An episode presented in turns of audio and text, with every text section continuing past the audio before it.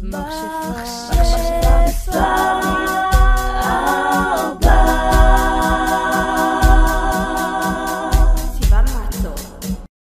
כולם, מה קורה? זאת אני, סיוון מעצוב.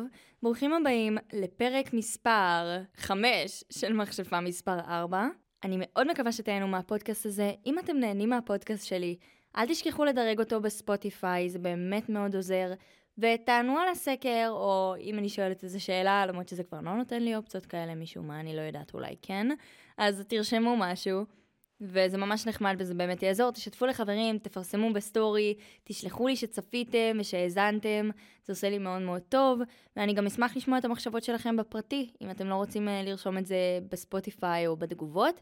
ואם אתם דרך היוטיוב, אל תשכחו לעקוב אחריי ביוטיוב. הערוץ יוטיוב שלי הוא בעיקרון באנגלית, חוץ מהפודקאסט שעולה בעברית, ולסרטונים באנגלית יש גם כתוביות בעברית. גם אני אשמח שתיתנו לייק, תגיבו כמובן, תפעילו את הפעמון כדי שתדעו, ואתם מוזמנים גם לעקוב אחריי באינסטגרם. כי באינסטגרם אני לפעמים מפרסמת דברים שאני לא בהכרח מפרסמת ביוטיוב, וגם ניתן לפנות אליי שם בצורה שהיא יותר פרטנית, אם יש לכם שאלה כלשהי, או משהו שאתם רוצים שאני אדבר עליו בפודקאסט הבא. אז היום האורח שלנו, אין לי באמת אורח, אבל זה כן עכשיו, זה הרמנו. זה הרמנו, הרמנו הוא אחד מהסטיצ'ים, קוראים לו הרמנו בגלל שאני מאוד מאוד אה, אוהבת ספרדית. זה היה קטע לתת לו שם ספרדי משום מה, הרמנו זה אומר אח, אז הרמנו הוא אח על מלא.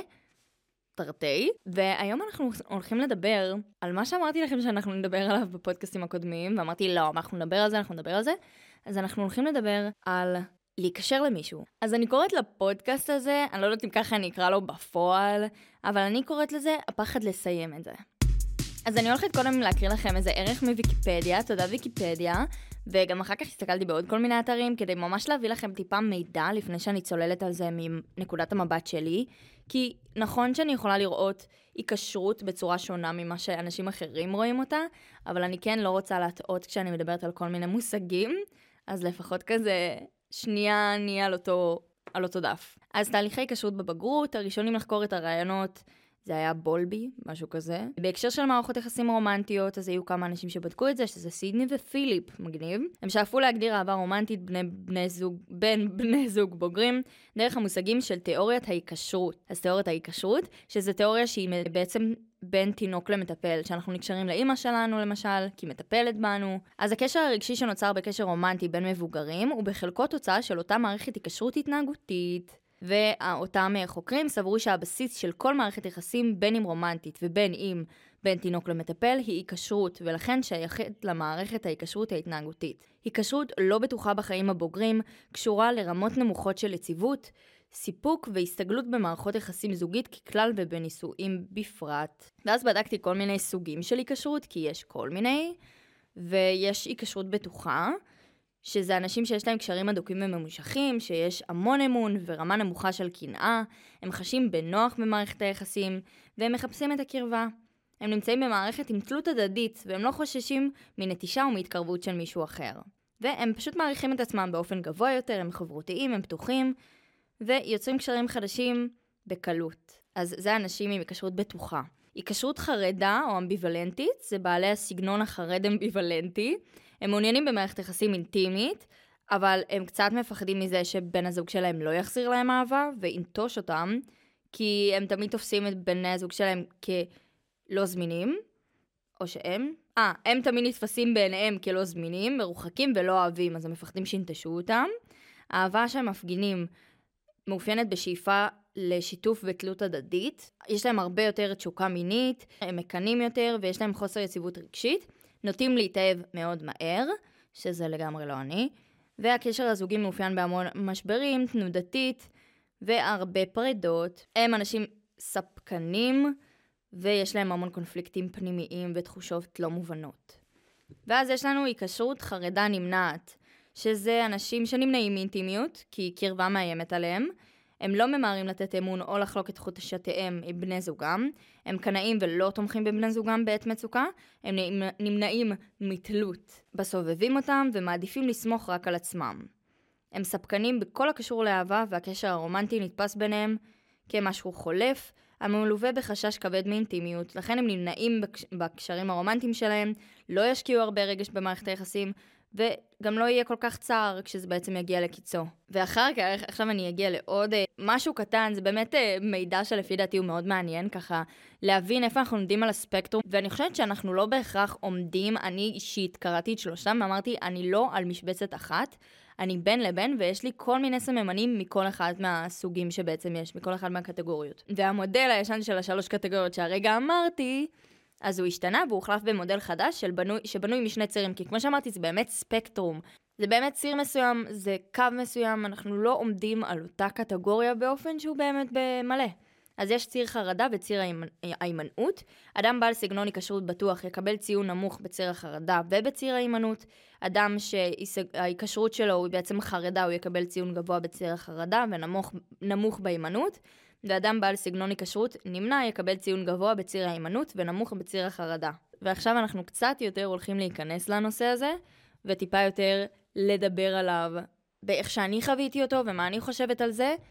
אז בואו נצלול לתוך זה. איזה כיף זה להגיד לצלול, אני באמת מרגישה ממעמקים, נשאלתי עלייך. וואי, ש, ש, כאילו אמרתי שהשיר הזה מוקדש ליעל, כי כשהאזנתי לשיר הזה חשבתי עליה, שזה מאוד רומנטי מצידי.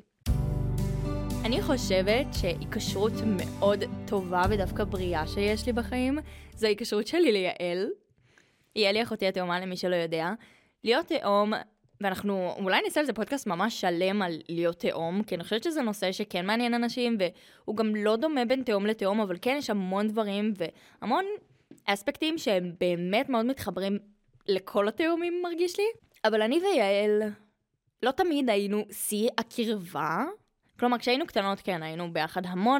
הייתה תקופה שלא היינו שיא הקרובות, ולא היינו קרובות מבחינה יותר רגשית, כי היינו המון ביחד, כי היה לנו, חלקנו חדר עד גיל 15, ואני חושבת שזה פגע דווקא במערכת היחסים בינינו, זה פגע בקטע שנמאס לנו כזה אחת מהשנייה, כי יש אנשים שאם הם גרים ביחד, וגם לגור באותו חדר, זה פשוט יכול להיות סיוט ולא משהו כיף. אני לא בן אדם שרוצה לגור עם מישהו באותו חדר, בסדר? אני לא יודעת איך יהיה לי עם בן זוג בעתיד, אבל באמת, לחלוק מישהו חדר, קשה מאוד, אני מתה על הפרטיות שלי, אני צריכה המון space, ותמיד אני רוצה לעשות משהו, וזה מאוד קשה כל הזמן להתחשב במישהו אחר, אז לגמרי אני יכולה להבין למה זה ריחק בינינו.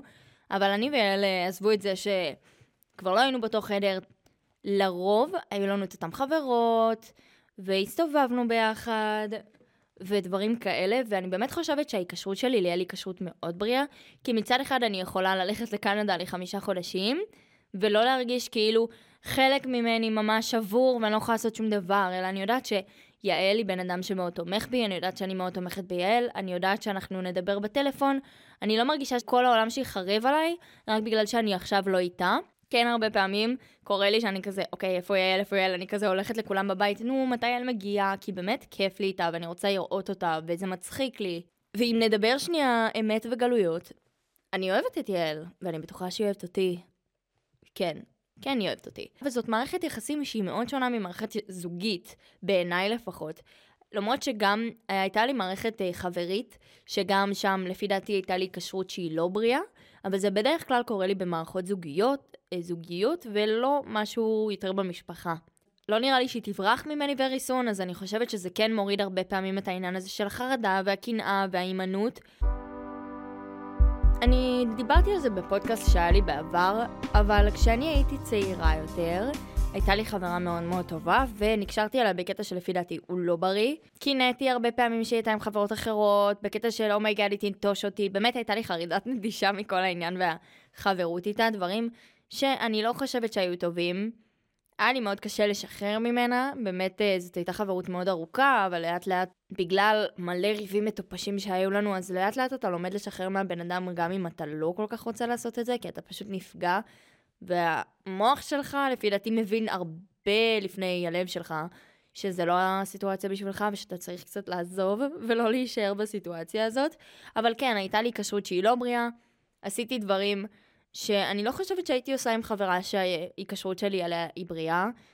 כן תמכתי בחברה שלי והרגשתי שלא תמיד התמיכה היא הדדית. הייתה קנאה שם, אני מאמינה, והייתה שם קנאה לא רק כלפי, oh my god, oh היא תמצא חברות, חברו, אה, חברות חדשות, אלא גם לגבי, או היא עושה ככה, וזאת היא עושה ככה. קנאה כזאת שהרגשתי שהחברות הזאת היא לא במאה אחוז שלה, ו...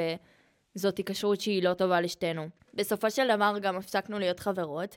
אני לא בקשר בכלל עם הבן אדם כיום. זה טוב, כי, כי אני למדתי מהקשר הלא בריא הזה, וזה הקשר של חברות.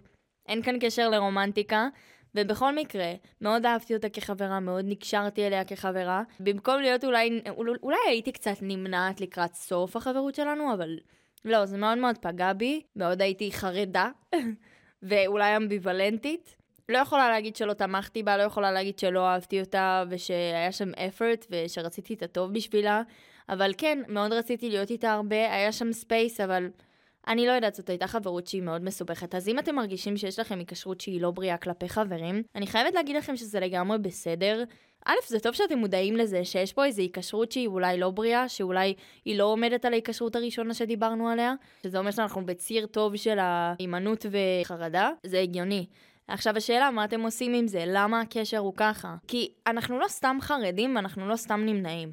נכון, לפעמים זה קורה בעקבות קשר אחר שהיה לנו עם חבר אחר שהיה לנו, חברה אחרת שהייתה לנו, מישהו אחר שהיה לנו בחיים, ולפעמים זה נובע מתוך כל מיני דברים שאנחנו קלטנו מבן הזוג שלנו, או מהחברה שבעצם יש לנו, החבר זה תלוי מי מאזין לזה ועל מי אתם מדברים. אבל למשל, לפני החברה הזאת לא היו לי חברים שממש פחדתי לאבד. היא הייתה חברה שטיפה יותר פחדתי לאבד, לא רציתי שזה יקרה. זה בגלל שלא שמחתי סמכתי עליה, אם להגיד את האמת, באמת. הרגשתי מאוד בנוח איתה, עשינו המון דברים, אבל היא לא הייתה בן אדם שאפשר לסמוך עליו, היא לא הייתה באמת בן אדם שלפחות בקשר שלנו. אפשר לספר לה דברים מבלי שהיא תספר את זה לאנשים, או מבלי שהיא תשתמש בזה נגדך. היא הייתה בן אדם שאם היא הייתה רבה איתי, אז היא הייתה הולכת לאחותי התאומה, והיינו מאוד עיוורות בקטע הזה, כי היה לנו מאוד כיף איתה. וכן, תמיד אנשים היו אומרים לנו, תקשיבו, היא מפרידה ביניכן. כי בן אדם שאוהב אותך כחברה, גם אם הוא בריב איתך, הוא לא ינסה להפריד אותך מהמשפחה שלך, או להפריד אותך מחברות אחרות. ואני חושבת שזה גם יכול להיות איזה סימן להיקשרות שהיא לא בריאה, ולאיזה קשר בכללי שהוא לא טוב לנו. כי הבן אדם השני לא באמת מנסה לעשות לנו טוב, ונכון, ברור שאתם כועסות אחת לשנייה כשאתם בריב, אף אחד לא מצפה שהכל יהיו פרפרים, יש סיבה שאתן לא מדברות כרגע, אבל אם היא עושה כל מיני קטעים כאלה וגורמת לך לאבד אנשים אחרים בעקבות אותו, אותה סיטואציה ביניכן, יש כאן גם משהו שהוא כבר לא בריא ואנחנו צריכים לפקוח על זה עיניים. והדברים האלה שבסופו של דבר גורמים לנו להרגיש פחות נוח עם אותו בן אדם, אנחנו מפחדים שאנחנו הולכים לריב יותר מדי, אנחנו יודעים איך אנחנו מרגישים כשאנחנו כן רבים, ואז בעצם מתפתחת אצלנו, לפי דעתי, כל העניין הזה או של הימנעות, אנחנו נמאס לנו להיות קשורים לאנשים כי אנחנו יודעים איך זה להרגיש, או שאנחנו חרדים כל הזמן, ואנחנו פחות משוחררים במערכת יחסים שהיא בריאה בעצם. היקשרות היא אחד מהגורמים ש... יגרמו לנו להבין אם אנחנו במערכת יחסים שהיא בריאה או לא. בין אם היא זוגית, לבין אם היא חברית, לבין אם משפחתית. יכול להיות שיש לך מערכת יחסים שהיא לא טובה עם מישהו, לא משנה עם מי, כי הבן אדם השני נקשר אליך באופן שהוא לא בריא. למשל, הוא חרד או נמנע, ואתה דווקא נקשר אליו בקטע טוב. אתה יודע לשחרר, אתה יודע ללכת, אתה יודע לעשות זה, אתה יודע לעשות זה, אבל הבן אדם השני יותר קשור אליך, יותר קשה לו לשחרר ממך, ואני יכולה לתת דוגמה, זה קרה לי. אני הייתי הצד השני, אני הייתי הבן אדם השני, אני הייתי, אני נקשרתי בצורה שהיא לא בריאה. אני חושבת שגם לחברה הזאת, אני הייתי זאתי שנקשרתי בצורה לא בריאה, כי באמת היה לי קשה מאוד לאבד אותה, וגם הייתה לי זוגיות בעבר, שנקשרתי בצורה שהיא לא בריאה לפי דעתי. הייתי חרדה, אבל לא חרדה שכזה לא רוצה לתמוך בבן אדם ולא רוצה את הטוב בשבילו, ממש ממש לא. אבל כן היו כל מיני אספקטים שלפי דעתי הם לא היו חיוביים, לא היה שם את העניין הזה של הספייס וההבנה. כן הייתה שם יותר קנאה, לפי דעתי. כן חרדתי, חרדתי מנטישה, גם בעקבות מה שקרה לי עם אותו חברה שהייתה לי. לא נפרדתי מה, מאותו בן אדם, גם לא, גם לא רבנו כל כך כל כך הרבה. כן היו לנו רבים וכשהיינו רבים, אבל זה כבר דיברתי בפודקאסט אחר, הם היו ריבים מאוד מאוד לא בריאים, כלומר צריך לדעת גם איך לריב לפי דעתי, וזה לא היה שם. כן הייתה לי תשוקה, אני לא יכולה להגיד שאובססיביות, כן מאוד רציתי להיות עם הבן אדם הרבה, אולי טיפה אובססיביות, בהכל יש ספקטרומים, אז אולי הייתי בחצי, אני באמת לא יודעת. כן היה קינה והיה חוסר, חוסר יציבות רגשית, אני לא בטוחה, כי תמיד הרגשתי כלפיו משהו טוב, תמיד רציתי גם שלא יהיה טוב, אבל כמו שאמרתי, לא כל הדברים אני הולכת לקלוע בול בקטגוריות. חלק מהדברים אני הולכת לקבל, חלק מהדברים אני הולכת להרגיש שדווקא היה בריא בקשר, וזה הגיוני. גם לא סתם לפי דעתי אנחנו אומרים מערכת יחסים, אנחנו לפעמים מגדירים את זה כקשר. היה לי קשר עם מישהו בלה בלה בלה. הייתה לי, היה לי קשר עם חברה מאוד טובה בלה בלה בלה. כי קשר זה היקשרות. ואיך שאנחנו בונים את הקשר הזה ואיך שאנחנו קושרים אותו, זה הסוג שהוא יהפוך להיות. למשל, אני אתן מטאפורה מטופשת כמו שאני אוהבת. למשל, יש לנו קשר, קשר של הצופים, סבבה? זה קשר ממש חזק. זה יכול להיות קשר שהוא בריא. קשר חזק, קשר טוב, קשר שאם אפשר גם להתיר, או טיפה יותר לשחרר, טיפה יותר להצמיד, זה קשר טוב. וואי, אני זוכרת שלימדו אותנו איך לקשור בצופים. אני הייתי בצופים איזה שנתיים נראה לי, לא הבנתי איך לקשור, לא הייתי שם מספיק זמן כדי להבין את הקשירות. ויש גם קשרים שהם קשרים לא טובים. נגיד קשרים מאוד רופפים, שהייתי אומרת שאולי זה אנשים שהם חרדים נמנעים, שזה כמו קשר כזה של נעליים, שאם אתה פשוט מושך בחוט, הוא פשוט נפרם. ויש קשרים שהם חרדים ממש, שזה הקשרים שממש קשה להתיר. קשרים שאתה מפחד מנטישה, אתה ממש מפחד שיעזבו אותך, אז אתה חונק, חונק, חונק, אובססיבי, לא יודע איך להרגיש, אתה לא תמיד שמח בשביל הבן אדם השני, אז את זה אני טיפה יותר רואה כ... כקשר הזה. וואו, אני חושבת שממש הסברתי את הרעיון של הקשרים לפי באמת קשרים. היה גם מישהו שיצאתי איתו, ולא הייתה ממש היקשרות מראש. כן היה שם איזה קטע, כן היה שם משהו נחמד. לא הייתי אובססיבית. אני, שם הייתי חרדה נמנעת. אם בראשון אמרתי לכם שהייתי יותר חרדה אמביוולנטית, אז בקשר השני שהיה לי זה לא היה ממש זוגיות, זה היה יותר כזה קשר של יוצאים עדיין, וזה היה חרדה נמנעת. ידעתי שאני לא ממש מעוניינת לה, להמשיך עם הבן אדם הזה לעתיד, שזה כנראה לא יגיע למה שאני רוצה, וגם בגלל שנפגעתי בדיוק מהאקס שלי, אמרתי לעצמי, עזבי, את לא רוצה להרגיש ככה, את לא רוצה להרגיש חרדה, נטישה, עזבי, תימני, תימני מרגש, תימני מלהיקשר, תהיי בקשר הזה כי נחמד לך, וזהו, זה קשרים כאלה בסופו של דבר שאנחנו לא שמים בהם באמת מאמץ, ואנחנו מתנהגים אליהם כקשר לכל דבר שהוא רציני ובאמת נכנסים לזה, אלה קשרים שהם נמנעים. וזה מה שזה היה. קשר נמנע, היה לי קל מאוד לעבור על זה, לעבור הלאה. כן, כמובן שהיו שם דברים שטיפה פגעו בי או בו, בשנינו, אבל זה לא כי היה לנו קשה לשחרר אחד מהשני, זה היה בעקבות כל מיני דברים שקרו בזמן שיצאנו. אבל הכל בסדר היום. אני חושבת, אני לא בקשר עם הבן אדם, אבל אני חושבת שסיימנו את הדברים בצורה טובה. וזהו, איתו זה היה חרד נמנע. זה מעניין עכשיו באמת לקטלג את כל המערכות יחסים שלי ולראות איך אני יושבת על הקטגוריה או לא. ואז יצאתי עם עוד מישהו, ייי, עוד מישהו. והקשר איתו היה גם חרד נמנע. אמרתי, יאללה, בא לי ליהנות קצת, אני לא רוצה להיקשר למישהו יותר מדי. עדיין כזה הייתי בקצת חרדה נמנעת של יקרה לי משהו רע, יאללה, אני לא רוצה שזה יקרה, אני לא רוצה להיקשר ולהישבר, כמו שאומרים. יצאתי עם הבן אדם הזה.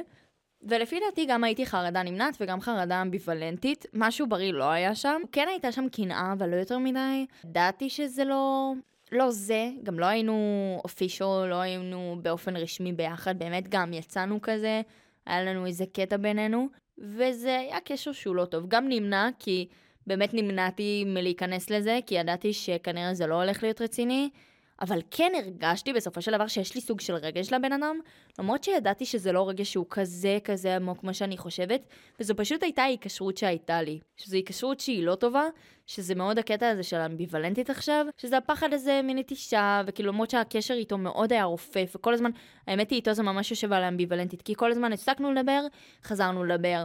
רבנו, הפסקנו את הקשר, חזרנו לקשר. זה היה באמת קשר שהוא מאוד יושב טוב על האמביוולנטית, פחות בקטע של אה, אני לא רוצה שיהיה לו טוב וכאלה, למרות שאני לא חושבת שזה מה שהם אמרו. כן, הייתי, אה, הייתה תשוקה, לא הייתי אומרת אובססיביות, אבל כן קצת קנאה ויציבות רגשית לא הייתה שם. לא ידעתי מה אני מרגישה כלפי הקשר הזה, לא ידעתי מה אני רוצה את הקשר הזה.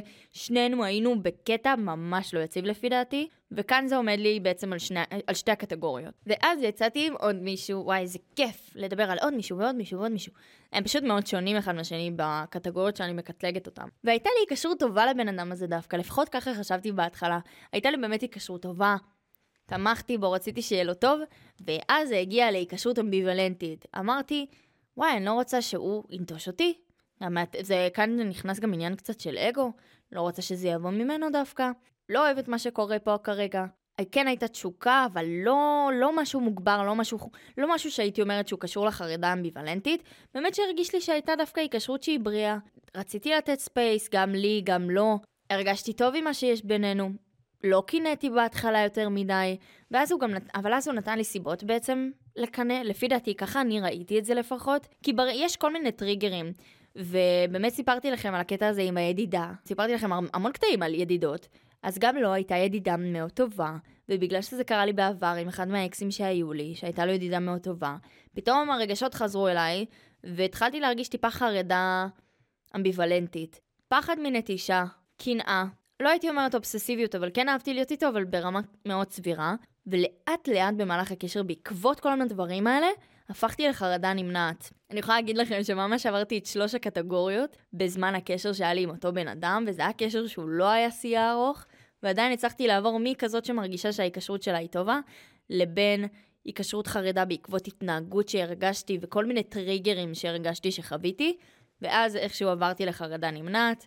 ממש רציתי להימנע מלהיפגע בסוף. ידעתי שזה לא הזמן, זה לא המקום, אני לא רוצה להישבר מהקשר הזה, אין סיכוי שזה מה שקורה לי, ופשוט מנעתי מעצמי את כל החוויה המאוד כיפית הזאת מראש. ואיך זה קרה? האמת היא שזה בהתחלה קרה לבד. היו כל מיני פעמים שממש נפגעתי, וזו הייתה בתקופה שכבר הפכתי, ל... לפי דעתי הייתי בהיקשרות שהיא כבר חרדה אמביוולנטית. כלומר, ציר החרדה וציר ההימנעות שלי לא היו משהו בכלל. אם אנחנו נשתמש בצירים, אז בהתחלה באמת היה לי ציר חרדה וציר הימנעות מאוד נמוך. כלומר, לא נמנעתי מהקשר, וגם לא הייתי חרדה מהקשר. אחר כך, הייתי הרבה יותר חרדה מהקשר, וזה לא היה טוב לי, וגם לא נמנעתי מהקשר, כי באמת היה לי סבבה. ואז היה לי את ההימנעות, שזה אומר שנמנעתי מאוד ולא הייתי חרדה. שזה גם לא טוב לקשר בסופו של דבר, אבל זה היה עדיף בשבילי באותו זמן, ואני חושבת שדווקא הקטגוריה הזאתי, הספקטרום הזה שהייתי עליו, היה הכי נכון עבורי באותה תקופת זמן, כי באמת לשחרר מהקשר. המון פעמים, לפי דעתי, שאנחנו מגיעים לאזור הזה, הזה בספקטרום, שההימנעות שלנו גבוהה והחרדה שלנו נמוכה, זה אומר שאנחנו מוכנים לשחרר מהבן אדם. זה לא בהכרח הדרך הכי בריאה לשחרר ממישהו. אבל לפעמים זאת הדרך הכי נכונה והכי קלה בשבילנו. אז כמו שאמרתי לכם, פשוט היו כל מיני פעמים שהרגשתי ממש לא בנוח עם הבן אדם. לא היה לי טוב. חשבתי על זה יותר מדי. הייתי באמת חרדתית, אם להגיד את האמת, חרדתית ממש. בעקבות כל הדברים האלה שקרו לי, כל ההרגשות האלה וכל ההבנות האלה שאני לא אמורה להרגיש משהו כזה, ולמה אני בכלל מרגישה חרדה לאבד מישהו שהוא לא מתאים לי, אנחנו לא חושבים באותה צורה. לפי דעתי, הוא לא ברמה שהייתי רוצה שהוא יהיה.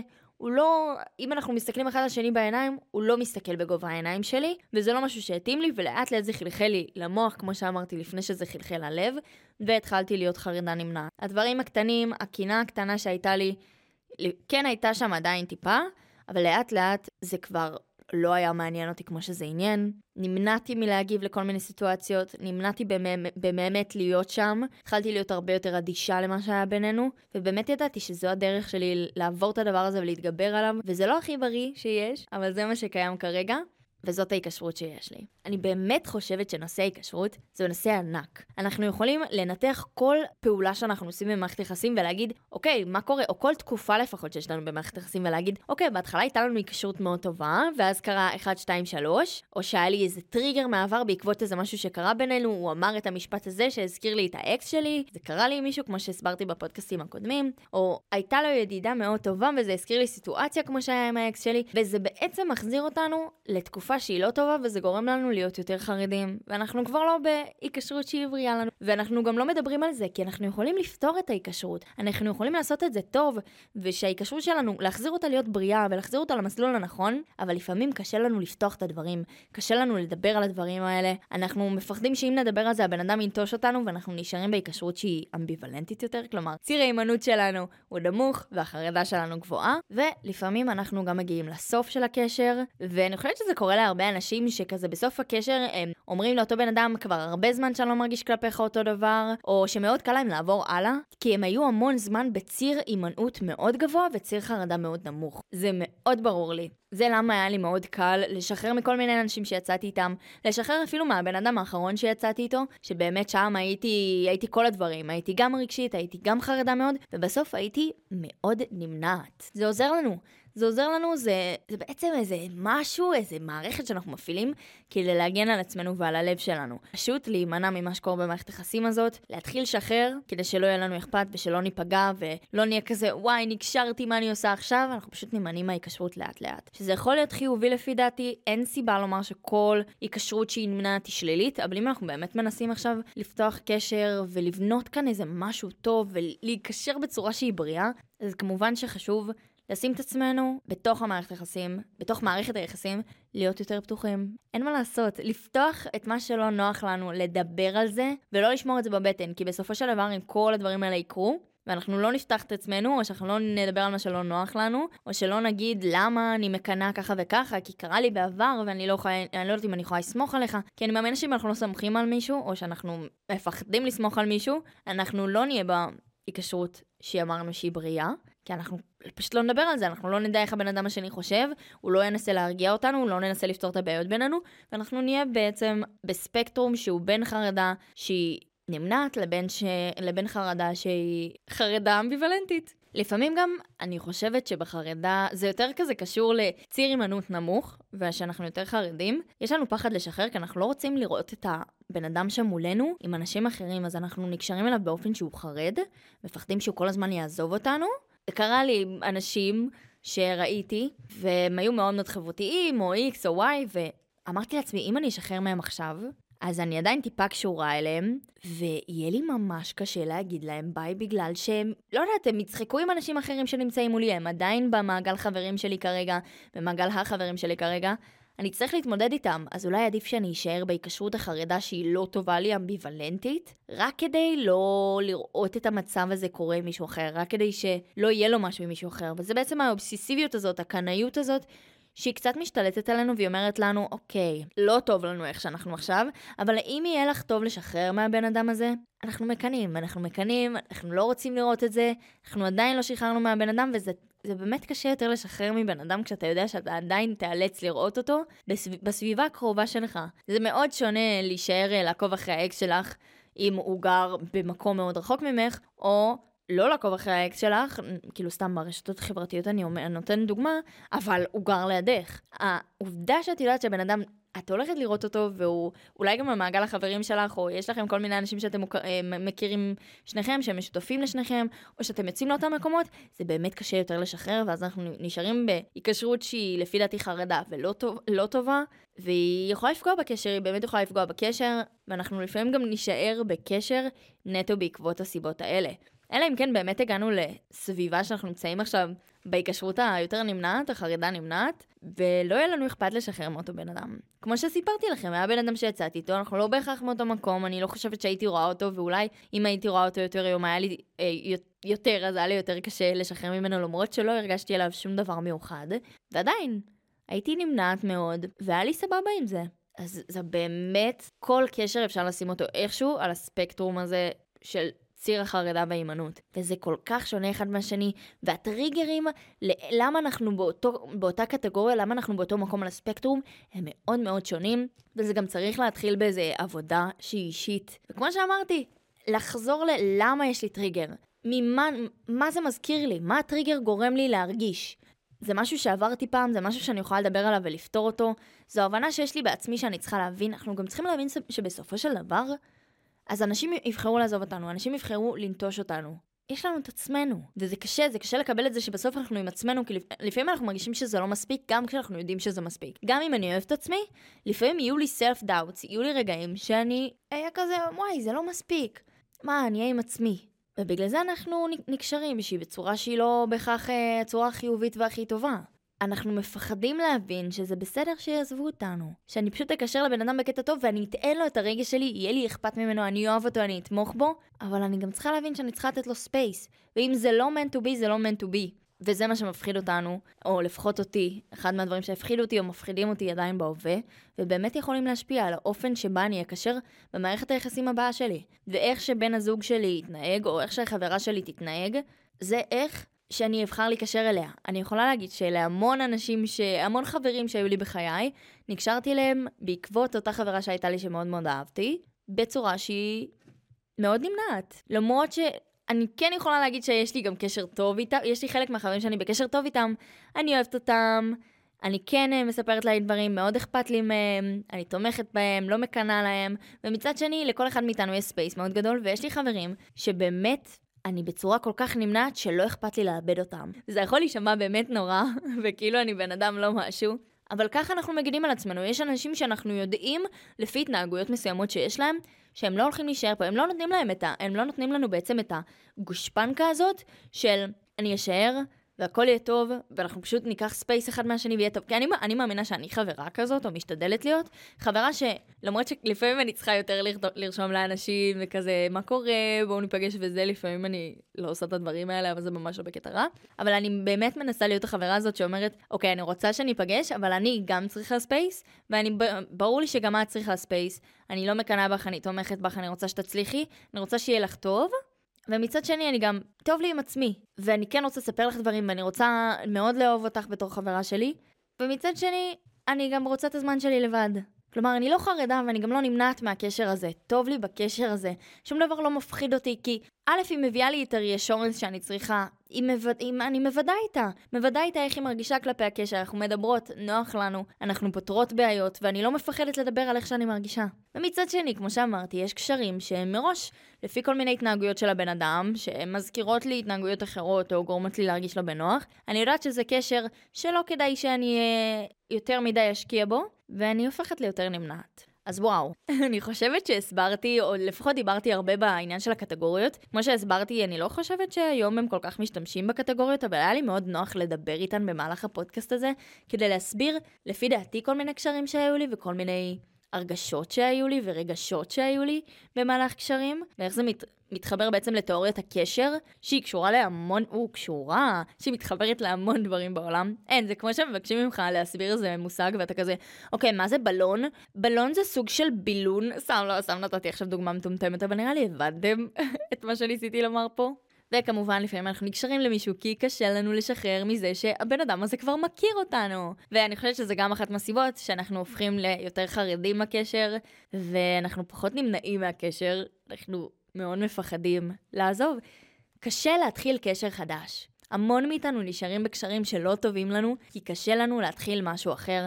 אנחנו מאמינים בבן אדם שאיתנו, טוב לנו איתו מכל מיני סיבות, וגם מאוד מאוד רע לנו איתו מכל מיני סיבות. אבל אנחנו חושבים שהטוב שיש, צריך להיאחז בו, במקום לשחרר. כי זה מאוד קשה לעזוב משהו שמוכר לי, והיה לי טוב, גם אם הוא כרגע לא טוב, אנחנו נאחזים יותר בזיכרונות ובמשהו שיש, כדי לא להרגיש לבד. שזה באמת אחד מהדברים שגורמים לנו להיקשר למישהו. לא רוצים להרגיש לבד בעולם הזה, גם אם אני אוהבת ממש להיות לבד, מלא, ממש טוב לי לבד, סבבה, כמו שהבנו כבר. אני כן רוצה להיות עם אנשים. אני כן בן אדם חברותי. בסופו של דבר, אנשים ובני אדם הם אנשים חברותיים, הם יצורים חברותיים. וגם אם אני יצור, כן, אני יצור, שאוהב להיות לבד וצריך את הזמן שלו לפעמים, אני מאוד אוהבת להיות עם אנשים, אני אוהבת לעבוד עם אנשים. אני יצור חברתי.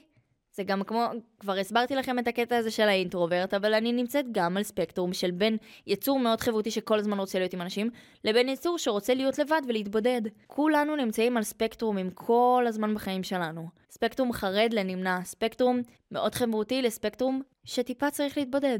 ואנחנו רק צריכים להבין מתי זה קורה בחיים שלנו, אילו דברים גורמים לנו לרצות להתבודד, אילו דברים גורמים לנו לרצות להיות עם אנשים. למשל, דוגמה בקשר להתבודדות ולהיות חברותים, זה תלוי באנשים.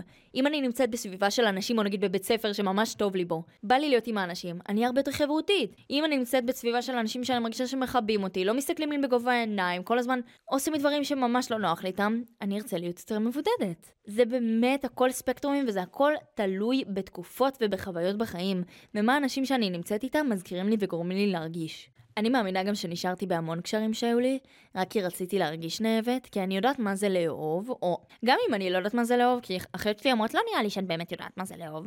כי הייתי צעירה יותר, אז נכון, אני מאמינה שהאהבה כשאני אגדל היא תהיה הרבה יותר חזקה, וגם כי למדתי על עצמי המון, אז אני אוכל לתת אהבה שהיא הרבה יותר בריאה, והיא תהיה הרבה יותר נכונה.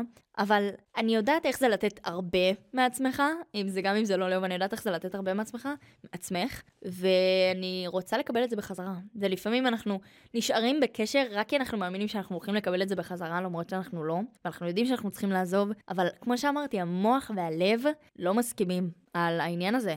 הם לא רוצים. אנחנו נאחזים ב- את כל כך יפה, כל כך כיף לי איתך, בואי ניפגש, התגעגעתי להיות איתך, בלה בלה בלה, ושוכחים מכל הריבים, מכל התככים, מכל ה... למה את מרגישה ככה בכלל, למה את מקנאה, אבל אנחנו ככה וזה. אנחנו מתרצים לעצמנו דברים שקורים בקשר, אנחנו נשארים במקום שהוא לא טוב לנו. ובאמת רשמתי לעצמי על איזה חוויה שהייתה לי, שאני פשוט מתבאסת ובוכה ומשחררת. כלומר, אני נפגעת ממישהו כי אני מאוד חרדה בקשר, וזה גורם לי, כמו שהסברתי, להיות נמנעת. פשוט משחררת. אפילו אם אני לא בוחרת לעשות את זה, הגוף שלי, הלב שלי, המוח שלי משחררים, מבלי שאני יודעת. אנחנו מגיעים לסוף, גם כשל הפודקאסט הזה, ואנחנו מבינים שאנחנו כבר לא איפה שהיינו. אנחנו כבר לא בקטגוריה, אנחנו כבר לא במקום בציר שחשבנו שאנחנו נמצאים בו. אז תודה רבה שהאזנתם לפרק הזה בנושא של קשר, של היקשרות, של תיאוריית ההיקשרות. דיברתי קצת אה, על כל מיני הסברים שלפי דעתי מסבירים טוב מאוד את מה שניסיתי לדבר עליו, והדרך שבה אנחנו נקשרים בעולם, שזה בסדר, זה בסדר גם שיום אחד, אה, תקופה כלשהי אנחנו נהיה בקשר שהוא מאוד טוב, ואז הוא יתחיל להידרדר ואנחנו נהיה חרדים יותר. וממה זה נובע? למה אנחנו חרדים יותר? ובסופו של דבר, למה הרבה פעמים הרבה אנשים במערכות יחסים הם נמנעים, ואולי הם אפילו היו נמנעים מלכתחילה, והם פשוט חשבו שהם יכלו להיפתח, אבל הם לא נתנו לזה את הצ'אנס באמת, בעקבות כל מיני סיטואציות, ונשארו נמנעים. ולמה לאנשים מסוימים קל יותר לעבור הלאה? ולמה קשה יותר לעבור הלאה? ולמה אנשים מסוימים הם פשוט במערכת יחסים שהיא באמת מוצלחת יותר מאנשים אחרים. שאני ממש לא מנסה לפתוח פה, אבל ריין גוסלין, בלייק לייב, לא, זה ריין? רי... למה אמרתי גוסלין? ריין ריינולדס ובלייק לייבלי. I love them, אוקיי? ואני מקווה לעד. כמובן שלכל זוג, גם זוג בריא בקשר בריא, הם הולכים לריב, והולכים להיות הרבה דברים שאנחנו לא מודעים להם.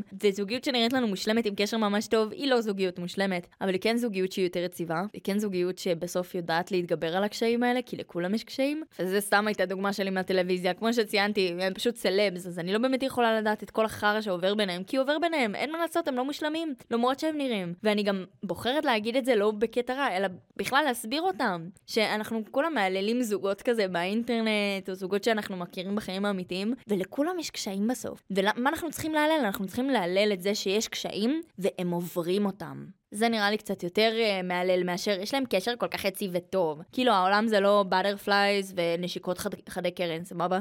יש קצת יותר מזה, ואנחנו צריכים פשוט לדעת להמשיך ולהחזיק את עצמנו. אז כן, תודה רבה שהאזנתם לפרק הזה, ואנחנו נתראה בפרק הבא של מחשפה מספר 4, אני הייתי סיוון מצוב, זה היה הרמנו, וביי לכם.